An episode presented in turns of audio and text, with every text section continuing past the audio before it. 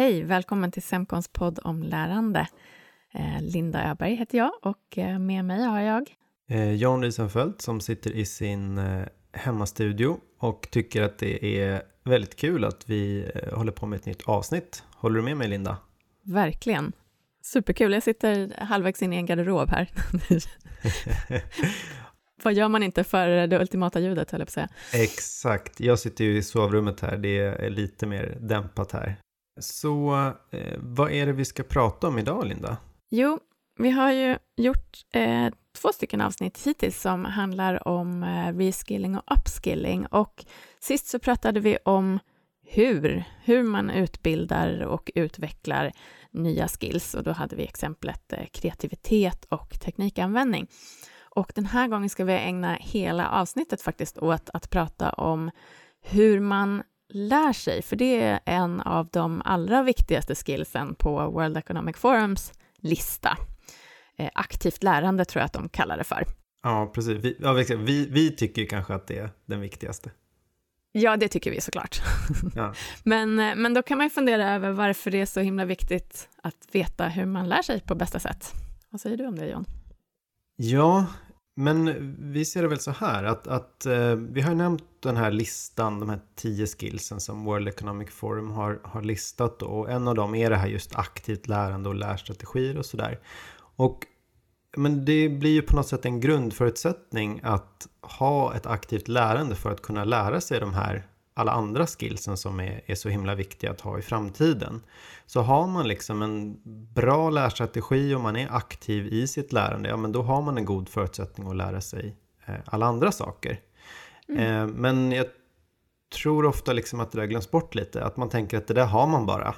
Man mm. behöver inte liksom tänka så mycket på det, men det behöver man faktiskt. Man ja, även göra. om man har gått i skolan länge. Ja, men exakt. Och det väl, känner väl alla igen att man liksom, ja men jag, jag liksom, eh, jag lärde mig det här automatiskt mm. bara för att mm. det var någonting som gjorde att det blev så. Men man kanske inte har reflekterat så mycket över varför. Och Precis. då kan man ju fundera på det här. Det kanske handlar bara om att man ska hitta sin lärstil. Just eller det. sitt sätt att lära sig på. Um, men så eh, är det inte. Det här med lärstilar är ju en seglivad myt som aldrig riktigt verkar dö. Um, utan det här handlar snarare om att försöka använda de tekniker som vi faktiskt vet fungerar. Just det. Och det är precis det vi ska prata om idag.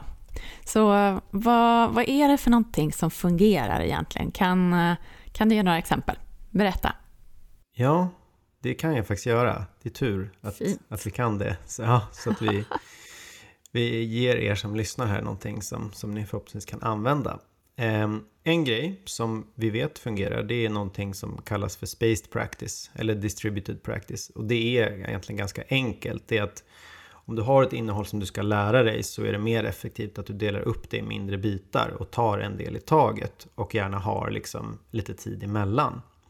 Eh, och det är bra för att ja, men hjärnan klarar inte av att eh, lära sig för mycket på en gång. Eh, och sen är det också så om du har de här mellanrummen eh, mellan att du lär dig så uh, behöver liksom eh, hjärnan behöver komma ihåg det där som du gjorde förra gången eh, när du lär dig, när du går vidare till nästa del. Ja, och, och en del av syftet med att dela upp det tänker jag är, är att ja, men den här berömda glömskekurvan som säger att om vi att vi glömmer bort stora delar av det vi har lärt oss inom liksom 24 timmar. Men om vi då upprepar och kommer tillbaka till och delar upp det liksom i mindre bitar, så, så glömmer vi bort mycket mindre helt enkelt. Det blir fint. Ja, precis. Så, och det här är ju då liksom en någon slags, eh, ja, hur man liksom lägger upp eh, sitt, sitt, sitt, lärande då. Eh, mm. och, ehm, och en annan sak som vi vet fungerar, det är ja, något som kallas för retrieval practice eller practice tests. Och det handlar ju liksom om att man ska försöka hämta fram den här kunskapen som man, som man har lärt sig. Liksom repetera egentligen. Mm. Och eh, det kan man göra på massa olika sätt. En grej som är liksom vanlig det är ju såna här flashcards. Man kanske har ett ord då med, eller man har ett kort med kanske ett ord på ena sidan, ett begrepp och förklaringen på baksidan. Och när man ser ordet ska man försöka komma ihåg vad var det betydde. Eh, eller hur kunde man förklara det? Och det här kan man ju använda när man ska, man ska lära sig nya språk eller sådär. Man kan ha liksom en glosa på ena sidan på ett språk och så har man översättningen på, på andra sidan. Ja, men precis. Det handlar ju, precis som namnet antyder, om att, att öva på att plocka fram informationen ur minnet. Att testa sig själv för att, eh, för att repetera.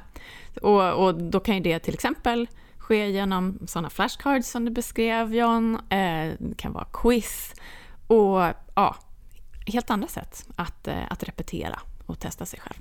Så, så, och det är ju liksom ett sätt att vara aktiv i sitt lärande. Det var lite det vi var inne på inledningsvis här i avsnittet. Att, alltså det är väl egentligen kärnan i det här att vara en aktiv liksom inlärare, active learner. Det. Eh, mm. det är det väldigt mycket det handlar om. Det här att eh, bara mm.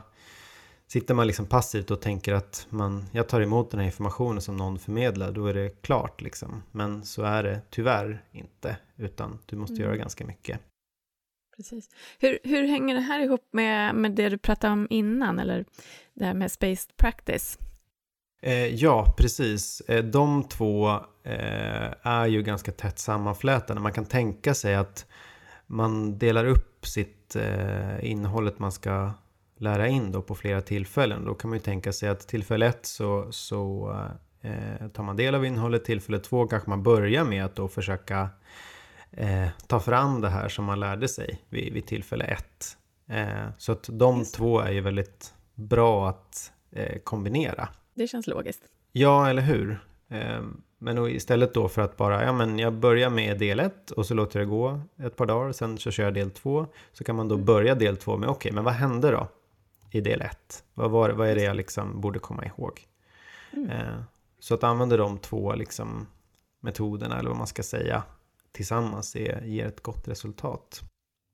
Två eh, metoder som är eh, väldigt effektiva också för att lära sig någonting eh, är att man förklarar för sig själv hur någonting ligger till. Alltså man, man förklarar för sig själv någon, någon process för någonting eller någon procedur för hur någonting går till. Först gör man det här, sen gör man det här och, och sen gör man det här. Eh, det är den ena och den andra eh, kallas för questioning och det är egentligen förklara för någon annan varför någonting är på ett visst sätt. Så det finns en liten distinktion däremellan. Att dels är det bra att kanske liksom förklara för sig själv, så här är det. Men det är också väldigt effektivt att förklara varför det är på det sättet. Det kan man göra för sig själv, men ännu bättre kanske för någon annan. Att en annan person ställer frågan, var, men varför är det så?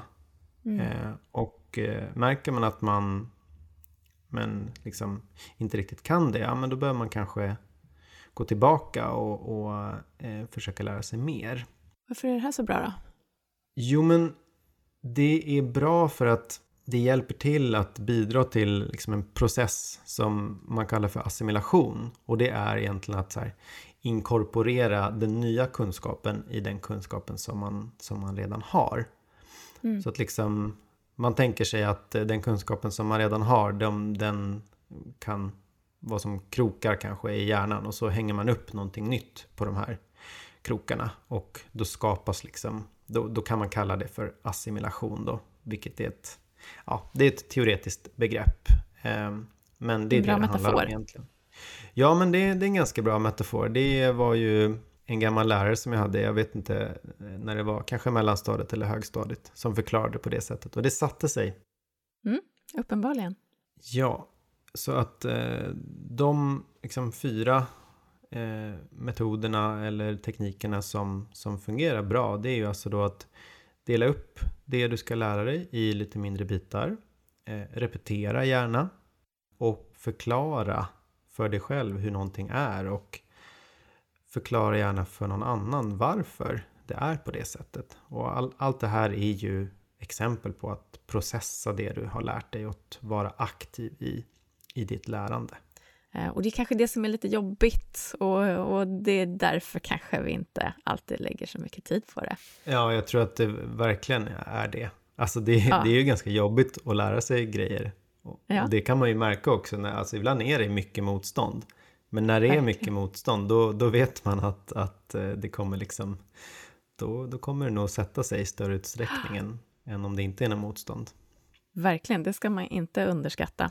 Så om jag ska lära mig någonting på egen hand i mitt arbete utan att, att någon har designat en formell lärresa åt mig så, så behöver jag komma ihåg att ta mig tid att lägga in tid efteråt för att repetera och reflektera för att kunna befästa de här nya kunskaperna som jag har skaffat mig genom att eh, titta på ett TED-talk eller lyssna på en podd eller läst en artikel eller, eller vad det nu kan vara.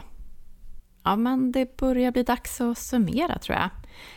Så aktivt lärande, det är alltså en, en färdighet eller en skill som vi behöver kunna helt enkelt för att kunna utveckla andra skills som vi kommer att behöva framöver. Och vi som jobbar med lärande, vi behöver ju hjälpa och rusta våra medarbetare med, med effektiva strategier för att lära och driva sitt eget lärande i vardagen. Och det handlar ju framför allt om tekniker för att processa och befästa nya kunskaper.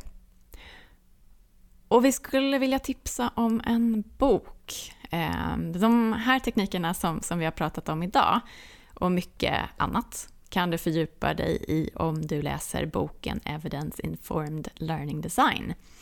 Och de som har skrivit den boken heter, jag tror att de är holländare, heter Miriam Nielen och Paul A. Kirchner. Jätte, jättebra bok. Verkligen rekommenderat. Ja, John. Nu har vi rusat igenom ett gäng eh, studietekniker här. Ehm. Det har vi gjort. Kul med boktips också. Jättekul. Jag har ju ehm, också och... läst den här boken, jag vill bara flika in det. sa jag Det var du som har läst den. Förlåt. jag, jag, vet inte, jag vet inte om du sa, nej du sa, nej jag vet inte vad du sa riktigt. Men jag ville bara göra det klart för lyssnarna. Ja, det är bra, tydlighet är bra. Um, men så tack så mycket du som har lyssnat och har du egna boktips så tar vi såklart jättegärna emot dem och eh, frågor och reflektioner runt det vi har pratat om. Eh, och, och det kan man ju, sådana frågor kan man ju ställa till oss till exempel via LinkedIn.